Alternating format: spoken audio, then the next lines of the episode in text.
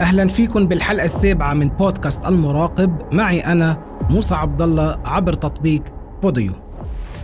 رح كفي بحلقة اليوم الحكي عن تترات بعض المسلسلات الرمضانية. رح نروح اليوم على مصر. رح نحكي عن أغنية أصالة نصري ما بنقدرش يلي هي تتر مسلسل قصر النيل. وغنية تامر حسني اللي هي تتر مسلسل نسل الأغراب. وغنية شيرين عبد الوهاب وش الحقيقي يلي هي تتر مسلسل لحم غزال. جميع هالتترات هي باللهجة المصرية. المفارقة الحلوة إنه هالثلاث تترات هن بالمقدمة. ثلاث تترات فيهن كتير من النوعية والجودة. فيهن كتير من التميز والاختلاف. وكل تتر بحد ذاته عمل غنائي كامل متكامل من ناحية الكلمة واللحن والأداء. رح بلش بغنية أصالة ما بنقدرش. بيحتار الواحد بيحتار عن جد من وين بده يبلش حكي عن هالغنية عن هالقطعة الفنية. رح بلش بأداء أصالة.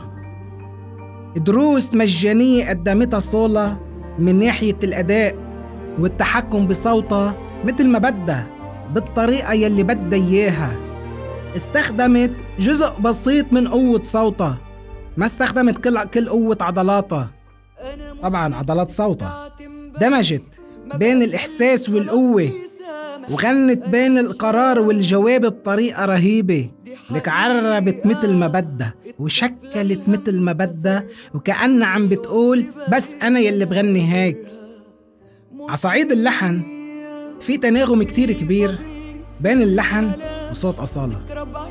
والملحن إيهاب عبد الواحد.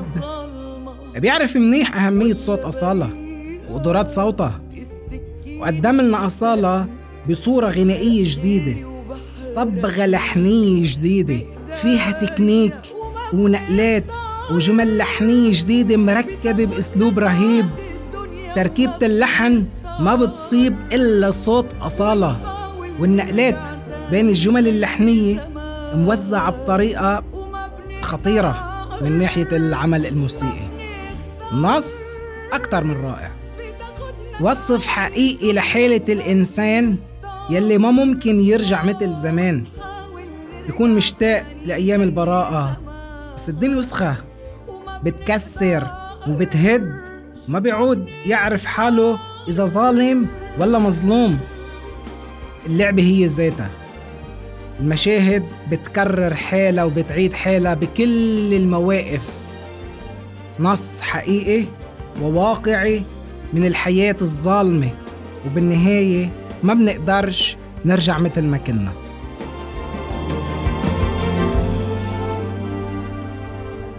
روح لعند تامر حسني يلي بيعتبره مفاجأة الموسم الرمضاني.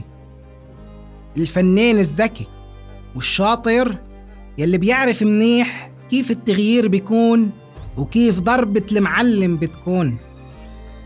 لأول مرة بمسيرته الفنية تامر حسني بغني اللهجة الصعيدي وقدم أغنية نسل الأغراب بأسلوب وطريقة غنائية متمكنة على الرغم من إنه أول مرة بغني فيها هيدا اللون الصعيدي خي بس اختار غنية بتلبق لصوته وإمكانيات صوته ما راح على أغاني الصعيد الشعبية والرقصة.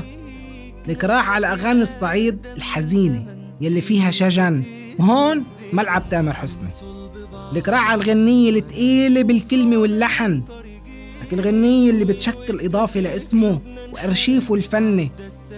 راح على مكان يقول إنه هو تامر حسني اللي بيعرف منيح كيف يصيبه. راح على المكان الأخطر باللهجة الصعيدة تركيبة اللحن بتضرب على الوتر. لحن مركب من أكتر من مقام. لحن فيه شجن وحزن وطرب صعيدي. تطوير واضح للغنية الصعيدي. بداية اللحن بتبلش بنسق منخفض بعدين النقلة والصعود باللحن والتكنيك الأكثر من رائع بالنقلات بين كل جملة وجملة تانية. النص كتير حقيقي. النص بيحكي عن تركيبة الإنسان من أيام سيدنا آدم من بدء البشرية الطمع والشجع كسر العادات والأصول كرمال الصراعات والنفوذ داخل العشيرة والقبيلة والصراع يلي بيولد أحقاد قلوب عمية الشر يلي مليان بقلوب الناس. صراحة غنية كاملة. وتامر حسني أثبت إنه بيقدر يقدم كل الألوان الغنائية ولازم اللهجة الصعيدة تبقى حاضرة بألبوماته يلي جاية.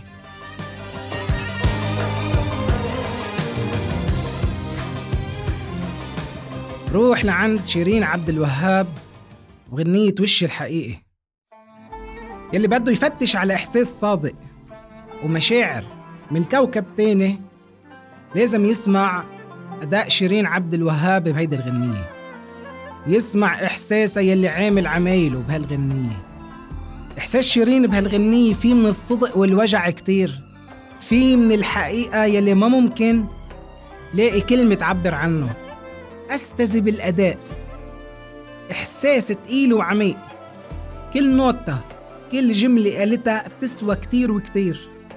أنا ما بعرف لما غنت هالغنية شو كان شعورها. هي عم بتغني. شو كانت عم بتفكر؟ وين كانت شاردة هي وعم بتغني هالغنية؟ وين كان قلبها وإحساسها لحتى غنت بهيدا الشكل؟ هيدا الشكل يلي بيضرب على القلب وبصيب. لك إحساسها مش بس طالع من قلبها طالع من جوات روحها. وهون شطارة شيرين يلي بتعرف منيح كيف تاخد المستمع وتسرقه على مكان الحسي. يلي هي بدها إياه. أداء استثنائي من شيرين يلي بتعرف منيح كيف تصبه لاحساسها وكيف تقول الجملة بكل تمكن. وبرهنت مرة تانية وتالتة ورابعة إنه غنائها لتترات المسلسلات بمحله. الغنية من ناحية اللحن فوق الوصف. لحن محمد رحيم في كتير من الذكاء وكتير من الدسامة. يعني قدر يصنع مادة لحنية تشبه صوت شيرين وأدائها. اللحن درامي. أكيد هو على مقام الصبا. بس مفصل تفصيل لصوت شيرين. وبعتقد إنه هيك لحن ما بيزبط إلا على صوت شيرين وصوت النجم فضل شاكر. الموضوع كتير جديد من كل النواحي. الفكرة والوصف باستخدام التعبير الجديدة يلي عطت عمق للكلمة.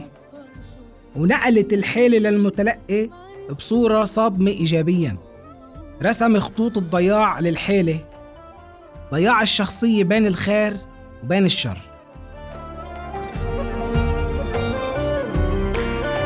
بعد ما حكيت عن كل غنية لحالها بقدر أقول وبكل حياد وبدون مبالغة أو تجميل للواقع إنه هول الثلاث تترات أقوى ثلاث تترات بمصر بالعالم العربي لهالموسم من دون أي منافسة. هيك بتكون خلصت حلقتنا لليوم من بودكاست المراقب. نلتقي الأسبوع اللي جاي بمواضيع جديدة.